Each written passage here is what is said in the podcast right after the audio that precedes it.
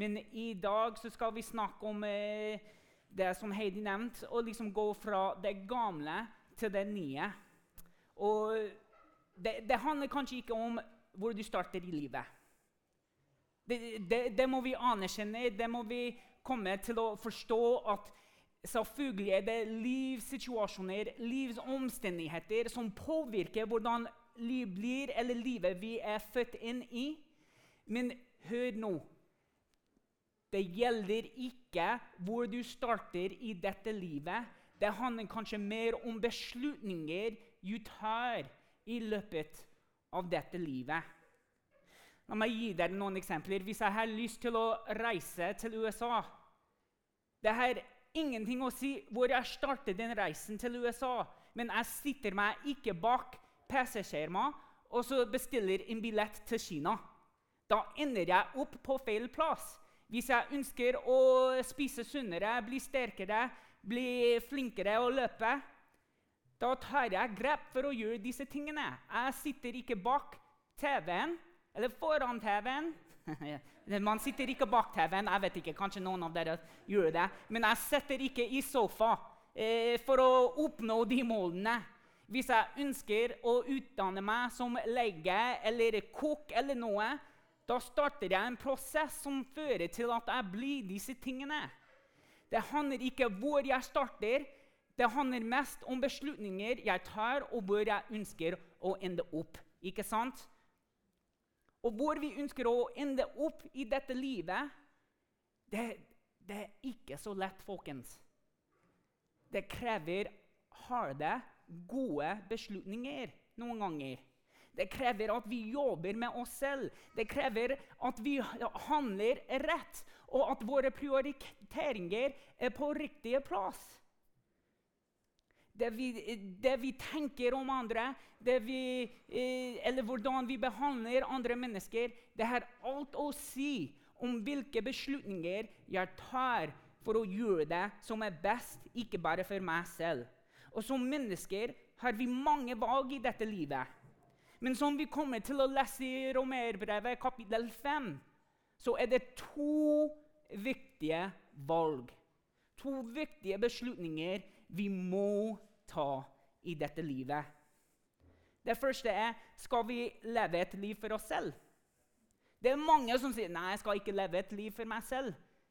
Men i bunn og grunn når vi tenker på oss selv. Selv om eh, Heidi har sagt at noen av oss her blir født i den kristne familien, og vi tar gode beslutninger, vi har lært oss å følge Jesus, men fortsatt velger vi å leve for oss selv noen ganger. Det er ganske hardt å si det og innrømme at ja, jeg lever for meg selv noen ganger, men den er sannheten. Og i det Jeg sier ikke at det er galt, folkens. Du kjenner Jesus. Man kjenner til det livet i Jesus.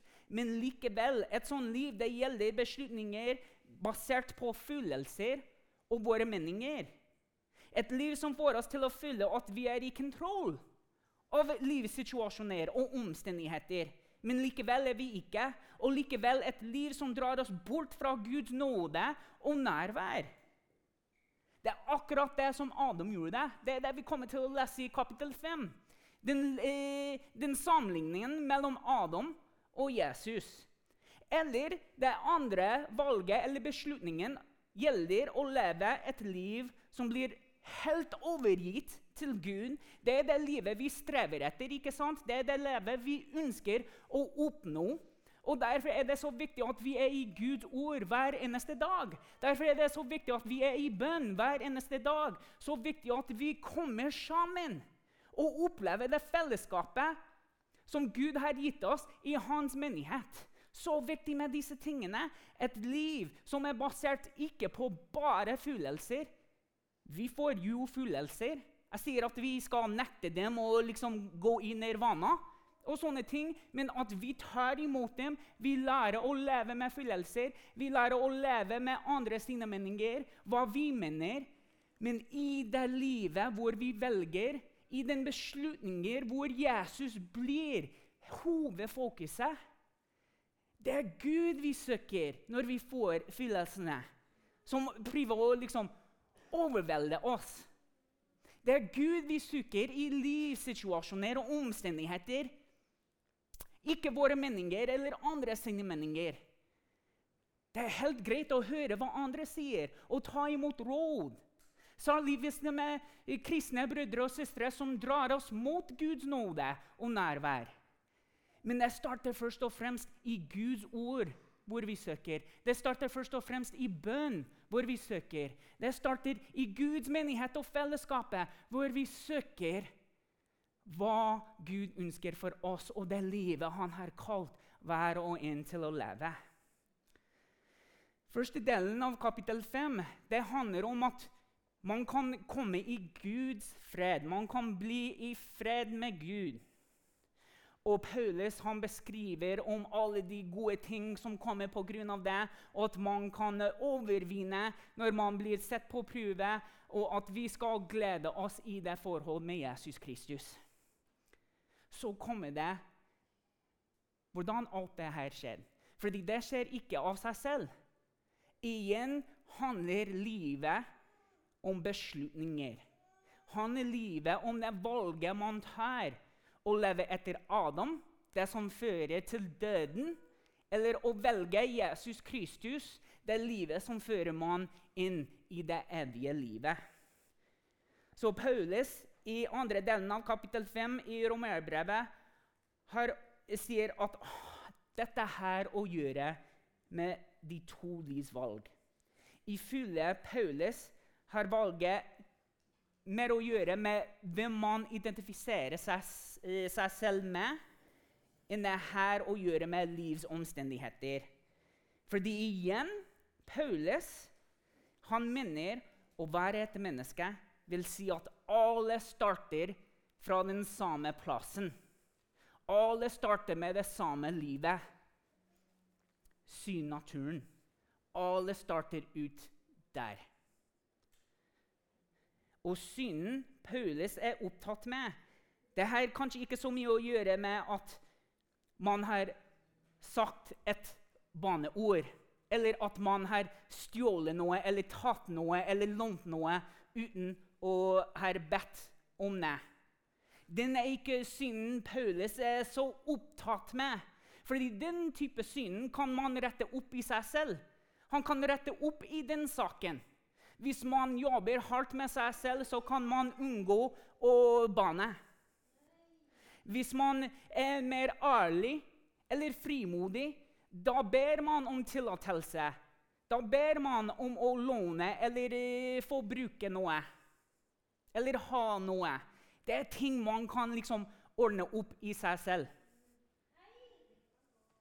Men synden Paulus snakker om, han, den han tenker på, har så mye kraft over mennesker at den får oss til å velge bort Gud og istedenfor erstatte Gud med oss selv og det vi ønsker, det vi mener. Eh, og alt det her, det setter Gud under oss. Og den eneste måten Paulus sier at vi overvinner den type synden, er gjennom et forhold med Jesus Kristus. Hans død som betaling for synden og oppstandelsen som seieren over dødens makt. Er dere med? Og dette Hør nå. Dette er hvorfor beslutninger i dette livet spiller en så stor rolle om hvor vi ender opp i dette livet og det livet som kommer. Som Paulus eh, sier Alle startet dette livet med en synnaturen som vi har arvet fra Adam. Alle startet dette livet med en, eh, med en utfordring med en gang og et liv hvor vi gjør beslutninger basert på følelser og våre meninger. Et liv som får oss til å føle at vi er i kontroll, men likevel et liv som drar oss bort fra Guds nåde og Guds nærvær. Det var Adam sitt liv i hagen. Å velge Adam er å velge et liv i synd. Det er noe som skiller oss fra Gud. Paulus i kapittel 5 i sin forklaring om Adam og Jesus sier at den eneste måten å forlate synnaturen er å ta en beslutning som gjør oss til en helt ny og annerledes menneskelighet. Det gir oss en ny og helt annerledes menneskelighet. Paulus forteller om den beslutningen som tar mennesker fra å være Guds fiender til å gjøre dem til Guds venner gjennom Jesu død.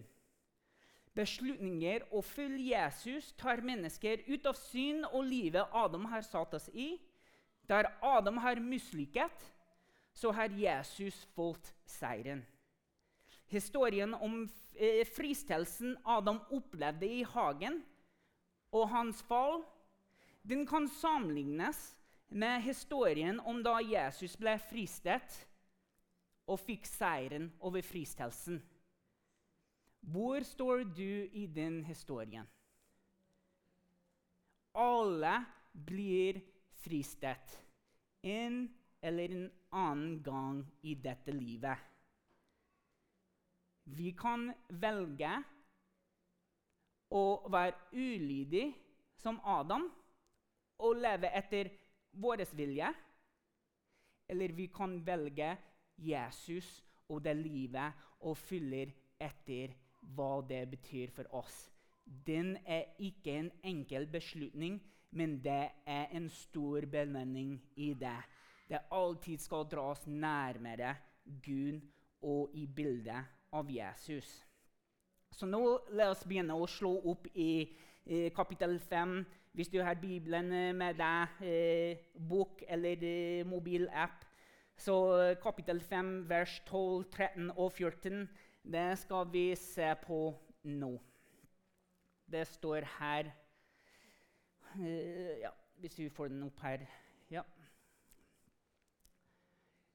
Ja, kan bare gå inn nå får jeg til den her.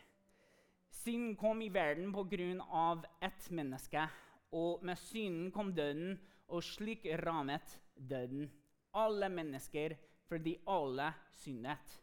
Det var synd i verden også før loven kom, men synden blir ikke regnet som synd når det, fin når det ikke fins noen lov. Likevel hersket døden fra Adam til Moses, også over dem som ikke hadde begått noe lovbrudd, slik som Adam. Adam er her et motstykke til ham som skulle komme. En gang til linker Paulus det gamle med det nye. Her er det en direkte korrelasjon mellom synd og død pga. Adams beslutning å være ulydig til Gud. Død er et resultat av synd, og alle mennesker er. Ikke sant? Det bekrefter for Paulus, det kan bekrefte for oss her i dag at alle er smittet av den syne naturen. Det er ikke en eneste person som slipper seg unna synnaturen og den kraften den har over mennesket, som fører til død. Og Mosesloven var det som gjorde det syn synlig for de som ikke kunne koble synd og død sammen. Så Paulus sammenligner Adam og Jesus igjen i vers 15. Men med noen er det annerledes enn med fallet. Pga. den enes fall måtte de mange dø. Men nåden, Guds gave, er noe uendelig mye større. Den gis i overflod til de mange pga. nåden fra det ene mennesket, Jesus Kristus. Han gjør det her veldig tidlig at Jesus han er større enn synden. Han er større enn fallet. Han er større enn starten. Igjen, husk, det handler ikke om hvor man starter. Det handler om beslutninger og hvor man vil ende opp. Det som skjedde da Adam sinnet, var at mange måtte dø. Og det skjer fortsatt når man velger det livet etter Adam. Man dør. Beslutningen Jesus tok å være lydig, til Gud førte til nåden.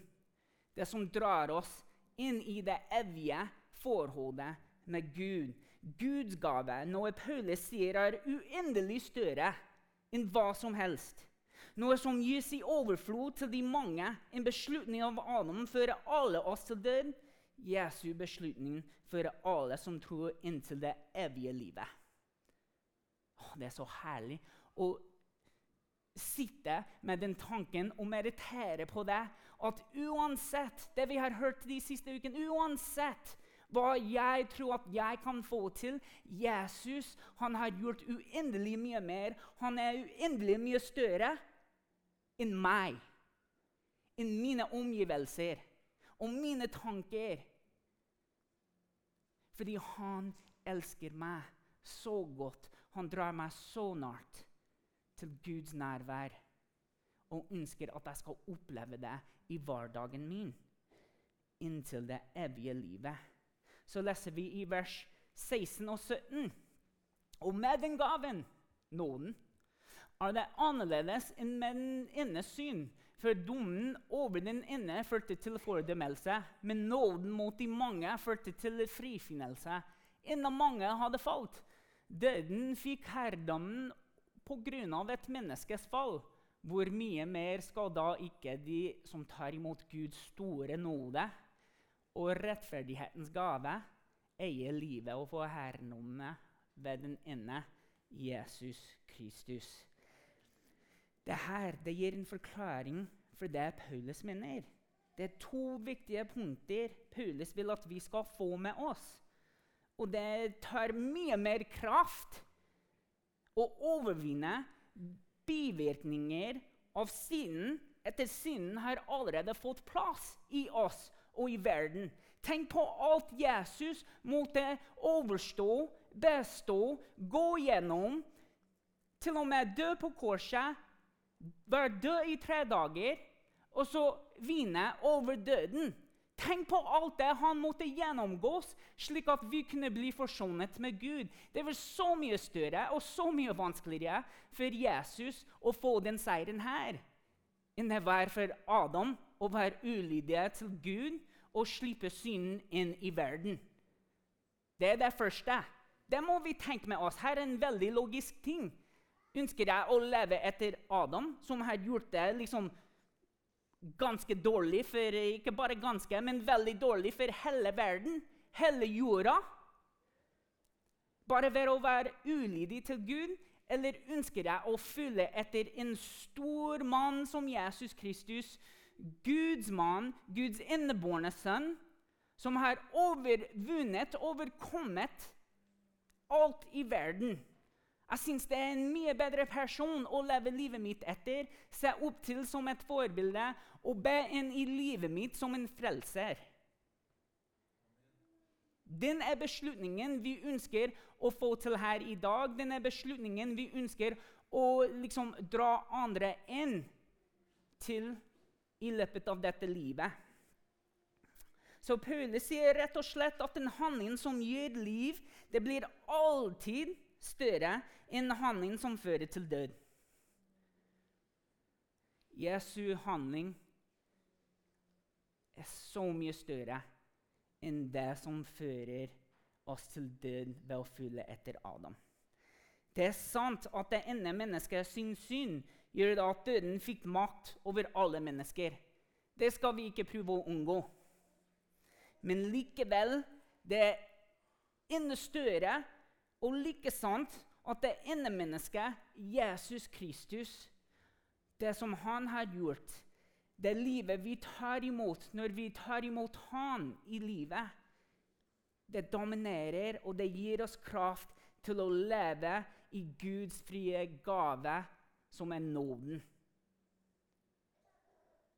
Gud lar oss i sin grenseløse godhet bli skyldfri innenfor ham dersom vi er villige til å ta imot hans tilgivelse i dag, i morgen og resten av livet. Jesu nåde hersker over Adams synd. Jesu nåde er ikke bare for de beste, de snilleste, de flinkeste, de mest privilegerte. De er inkludert i den gaven, men alle har tilgang og behov for det. Vi leser i vers 18 og 19. Altså som et menneskes fall ble til fordømmelse for alle mennesker, slik fører et menneskes rettferdige gjerning til frifinnelse og liv for alle. Slik det ene menneskets ulydighet gjorde de mange til syndere, skal nå den enes lydighet gjøre de mange rettferdige. Adam, i sin beslutning, gjort med fri, frivillige, synde mot Gud. Jeg tenker bare på meg selv. Hvor mange ganger, til og med etter jeg har tatt imot Jesus i mitt liv, har jeg gjort meg frivillig synd mot Gud. Med mine tanker, med mine ord, hvordan jeg behandler andre. Jeg elsker Jesus. Jeg elsker hans menighet. Men det betyr ikke at jeg liksom kastet meg av alt det som rammer meg og livet mitt. Det som får meg til å ramle. Dette er en prosess. Men pga. Jesus, pga. Guds grunnløse godhet, har jeg blitt skyldfritt. Og jeg er så glad for det. Så takknemlig for det. Og Adam, som sagt, han gjorde det med sin frivillighet. Og vi har et tidlig bilde av det som det førte til. En skillelse mellom mennesker og Gud. Jeg ønsker det ikke for noen her. Jeg ønsker det ikke for meg selv, for mine barn. Jeg vil ikke se at man skiller seg fra Gud fordi de velger å leve etter sin egen vilje. Men heller vi får et bilde i Jesus Kristus han som i sin egen beslutning, i sin egen frivillighet, var lydige til Gud. Og der har vi et tydelig bilde av hva skjer. En forsoning gjort mulig av nåde. Alle som tror, blir forsonet til Gud gjennom Jesus Kristus. Og Vers 20 og 21 det peker ut hvorfor loven var så nødvendig og instrumental i Guds historie og forhold med mennesker. Loven kom til for at fallet skulle bli stort. Men der synden ble stor, ble nåden enda større. For slik som synden hersket gjennom døden, skal nåden herske gjennom rettferdigheten og gi evig liv ved Jesus Kristus, vår Herre. Amen. Loven var ikke for å gjøre folk til gode, snille, lydige folk. Loven var til for å vise hvor stor plass synd har fått. Hvor stor makt synd har fått over hele jorda, over hver og en menneske. Og Jesus er eneste som knuser syndens forbannelse og makt her og nå. Vi ser konsekvensene av synden som kom i verden for mange år siden. Vi opplever det personlig fortsatt i dag. Vi kan ikke fortsette å fornekte at synd ikke fins. Synd er bare et ord som eh, verden ikke liker å høre. Fordi da må man innrømme at 'jeg er ramlet av det her'. Og jeg må gjøre noe med livet mitt. Og man er på en måte så tapt at de vet ikke hva de kan gjøre. Og her er det gode nyheter at Guds kraft, Jesu død og oppstandelse ved Den hellige ånds kraft, får vi gjenopprette det forholdet med Gud. Det har ikke noe å gjøre med oss. Alt å gjøre med Jesus. Verden trenger ikke å leve tapt lenger. Vi trenger ikke å late som vi ikke har svar på spørsmålet om hva kommer etter dette livet, eller hvordan vi skal forsone oss til Gud eller leve et bedre liv. Derfor gleder jeg meg til en ny serie i februar som handler om en bro til tro. Vi er kalt. Vi må bli inspirert til å dele troen, de gode nyheter, akkurat det vi leste i kapittel 1 fra Paulus. Evangeliet er Guds kraft for hver og en person som tror. Vi har noe å gi til andre mennesker. Og det er ikke oss. som vi gir. Det er av oss vi gir, men det er Jesus vi gir til andre. Jesus han setter mennesker på nytt kurs med et nytt mål, og det er å bli lik ham. Hele Det gamle testamentet er en historie ikke bare om fremmede mennesker som vi ikke kjenner til og bare hører om. Ikke uh, ulike fremmede folkegrupper som vi har ingenting å gjøre med. Fordi hvis du ser rundt deg akkurat nå Vi sitter rett ved siden av de ulike folkegruppene. Vi er de fremmede menneskene vi leser om i Guds historie. Ting har ikke forandret seg. Vi har litt mer teknologi, vi tror vi har mer eh, kunnskap og utdanning. Men livsomstendigheter, omgivelser, situasjoner De er akkurat de samme.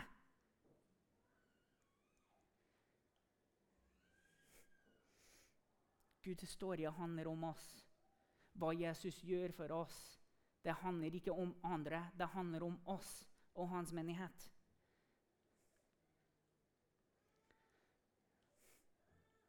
Jeg vil avslutte med å ta oss tilbake til vers 8, 9 og 10 i kapittel 5.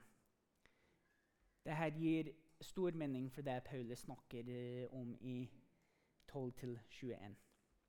Men Gud viser sin kjærlighet til oss ved at Kristus døde for oss mens vi ennå var syndere.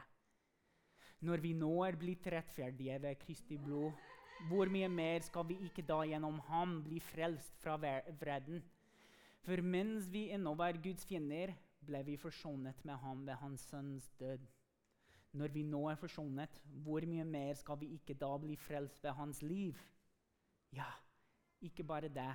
Vi har også vår stolthet i Gud ved våre Herre Jesus Kristus, Han som har gitt oss forsoning.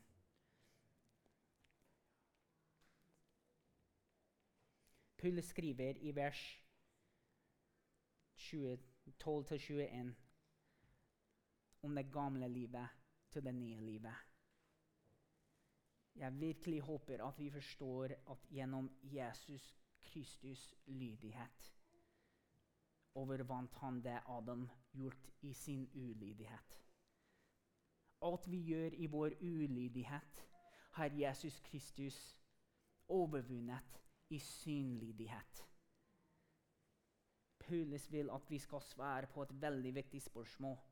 Et spørsmål vi kan også spørre andre om. Hvilket liv vil du leve?